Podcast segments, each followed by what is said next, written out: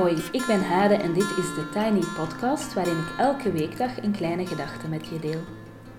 Vandaag is het 6 april, maandag, en de kleine gedachte gaat over synchroniciteit. Een tijdje terug vroeg ik jullie om verhalen in te sturen over synchroniciteit. Um, en dat kan ik heel kort omschrijven als toeval dat geen toeval lijkt. Ik heb al een paar keer het cliché voorbeeld uh, gebruikt, maar dat is heel duidelijk, dus ik gebruik het nog een keer. Je mist de trein en je komt de liefde van je leven tegen. Dat is dus synchroniciteit. En natuurlijk weet ik dat er veel te zeggen is tegen het idee van synchroniciteit, maar tegelijkertijd is het ook een soort van magie van het dagelijkse leven, waar we ons toch ook wel eens heerlijk in kunnen wentelen of aan kunnen warmen. En daarom zoek ik eigenlijk in deze periode van coronastress of crisis specifiek naar allerlei voorbeelden van synchroniciteit, om ze hier te delen, om eigenlijk jullie daar ook een beetje mee te warmen en die magie ook een beetje door te geven. Ik kreeg al verschillende voorbeelden van synchroniciteit doorgestuurd en ik ga deze uiteraard delen in de podcast.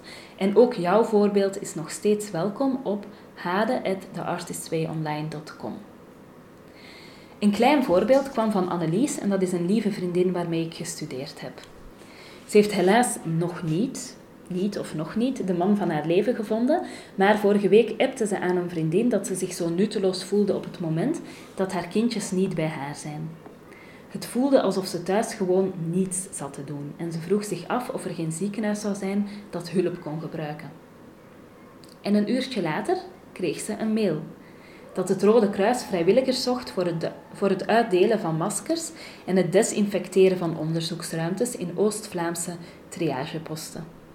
En intussen heb ik een mooie foto voorbij zien komen van Annelies in een soort maanpak. Dat is echt een prachtig voorbeeld van uh, synchroniciteit. Het verhaal van Kathleen bezorgde me ook kippenvel. Kathleen heeft een mooie blog, Raffelkat wordpress.com. Ik zal dit ook even in de bijsluiter uh, zetten. En laatst heeft ze ook een heel mooi boekje uitgegeven met een aantal mooie teksten waar ik haar echt heel erg om bewonder. De linkjes staan dus in de bijsluiter van deze podcast. En ik mag haar verhaal over synchroniciteit voorlezen, uh, dat ze zelf op haar blog heeft gedeeld in 2017. En het verhaal um, heet het Border Collie Wonder. En nu ga ik dus het verhaal van Kathleen voorlezen. Van mijn 17e tot mijn 27e had ik een hond, een Border Collie. Hij heette Thibaut en eigenlijk was hij van het hele gezin, maar omdat ik met hem naar de hondenschool ging, beschouwde ik hem toch eerder als mijn hond. Toen ik op kot ging, kon hij daar niet mee lachen. Honden kunnen lachen. Maar soms nam ik hem mee en dat vond hij telkens geweldig. Op de bus en de trein zat hij dan op de zitplaats, zitplaats naast mij en voelde zich de koning te rijk. Het was een prachtige, bijzondere, intelligente hond. Een echte kameraad. Hij stierf een half jaar voor ik naar Spanje emigreerde. Mijn vader timmerde een houten kist, we reden naar de Ardennen en daar, in de tuin van mijn ouders, hakte ik tot zonsondergang in de van stenen vergeven grond, tot het gat dat ik gemaakt had groot en diep genoeg was om hem om hem in te begraven. Anderhalf jaar later vierde mijn kerstverse Spaanse echtgenoot en ik ons burgerlijk huwelijk met onze noordelijke en zuiderse familieleden in een tot restaurant omgebouwde villa in Kalmthout. Erachter lag een park waar we huwelijksfoto's lieten maken met mijn vader als fotograaf. Slechts één wandelaar kwamen we daarbij tegen en die had een hond bij, een border collie. Een paar zomers later begon ik te beseffen dat permanent naar Spanje verhuizen betekende dat ik meer dingen zou moeten opgeven dan ik aanvankelijk gedacht had. S'morgens de gordijnen openschuiven en zien dat het gesneeuwd heeft, bijvoorbeeld. En het hebben van een border collie leek daar ook onder te vallen. Tot ik begin dit jaar, een paar maanden na de verhuis, in de buurt van ons nieuwe huisje rondwandelde en een jongen zag die zijn hond uitliet. Het was een roodharig dier, maar zijn bewegingen en lichaamshouding waren ontegensprekelijk die van een collie. Ik sprak de jongen aan en hij zei me dat het inderdaad een border was. En hoe houdt hij het hier uit in de zomer? vroeg ik. Oh, dat lukt wel, zei de jongen. Als je er s morgens en s avonds mee gaat wandelen en hem overdag binnenhoudt, dan heeft hij er niet zoveel last van. Hij gaf me ook het adres mee van de kweker waar hij zijn hond gehaald had. Bijzonder enthousiast kwam ik die dag thuis van mijn wandeling. Misschien dat we op een dag toch een border konden hebben. Over een jaar of twee schatte ik. Eerst settelen en wat sparen, want een rashond is niet goedkoop. Een week later, echt waar, een week later, zaten we bij mijn schoonouders aan tafel toen mijn schoonbroer zich naar mij toedraaide. Kat, zei hij, wil jij een border collie? Mijn bazin heeft een borderteefje dat binnenkort een nestje gaat krijgen en ze wil jullie er eentje cadeau doen. Echt waar, ik viel bijna van mijn stoel. Mijn schoonbroer wist wel dat ik vroeger een soort hond had gehad, maar ik had hem niets over mijn recente ontmoeting met die jongen en zijn hond verteld. Desondanks hebben we heel lang getwijfeld, want zoals gezegd leek de timing niet echt ideaal en mijn man had wat koudwatervrees. Hij had nog nooit een hond gehad. Maar het voelde zo meant to be dat ik uiteindelijk de, toch de echtgenoot overtuigde.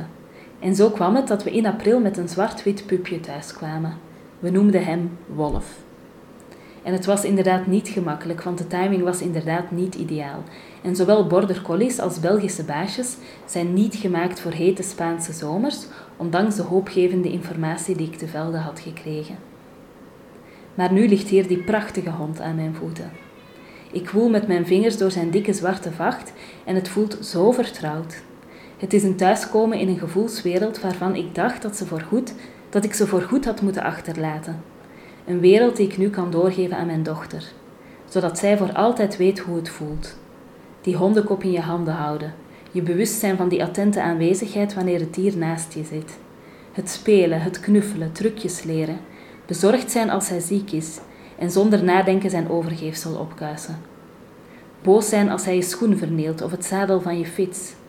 Lachen wanneer hij bijkomt na een narcose, enerzijds omdat hij zo grappig waggelt, anderzijds uit opluchting omdat hij oké is. En over zoveel jaren afscheid nemen van je vriend en in de harde grond van deze onverbiddelijke aarde een laatste rustplaats voor hem graven. En zien dat hij desondanks nog altijd met je meeloopt wanneer je alleen gaat wandelen. Ik vind het echt een prachtig stuk. Dankjewel Kathleen dat ik het hier mocht delen. En ik hoop dat jullie, ja, dat jullie het even mooi hebben gevonden als ik. En ik vind het heerlijk om wat magie te delen in deze tijden. Dankjewel om te luisteren naar de Tiny Podcast van vandaag. Je kan me vinden op Instagram, TheTinyPodcast. Leuk als je eens een reactie post. Ideeën en vragen zijn ook welkom. En uiteraard ook jullie eigen magische verhalen. Die neem ik echt heel graag mee in deze podcast. En ik heb er al een kleine voorraad uh, die ik hier binnenkort ga delen. En ik heb ook nog even een kleine mededeling.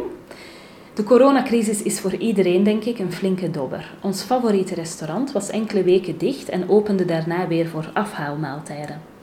En wij aten intussen al twee keer een heerlijk Italiaans driegangenmenu. Intussen had ik me aangemeld voor steun aan zelfstandig ondernemers, omdat ik veel van mijn werk zie wegvallen door de crisis. Intussen is er al een tweede mailtje van de gemeente gekomen. Ze hebben het voorlopig nog even niet rond. Het is begrijpelijk, maar ook stresserend. Ik besloot dus hetzelfde te doen als het Italiaanse afhaalrestaurant en maak een afhaalmenu in de vorm van een online cursus, de Corona-cursus. Die gaat niet over corona, maar bevat 12 opdrachten waarmee je kan reflecteren over je leven en je creativiteit. Als je me wilt steunen, kan je deelnemen aan de corona-cursus voor 24,95 euro. En dat is inclusief BTW en komt neer op zo'n 2 euro per lesje. Als je je wil aanmelden, mag je me mailen op hade, hade, sorry, hade.theartist2online.com.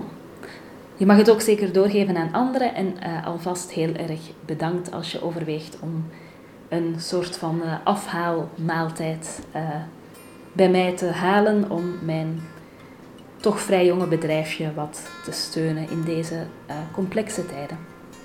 Ik wens jou een heel fijne dag en tot morgen.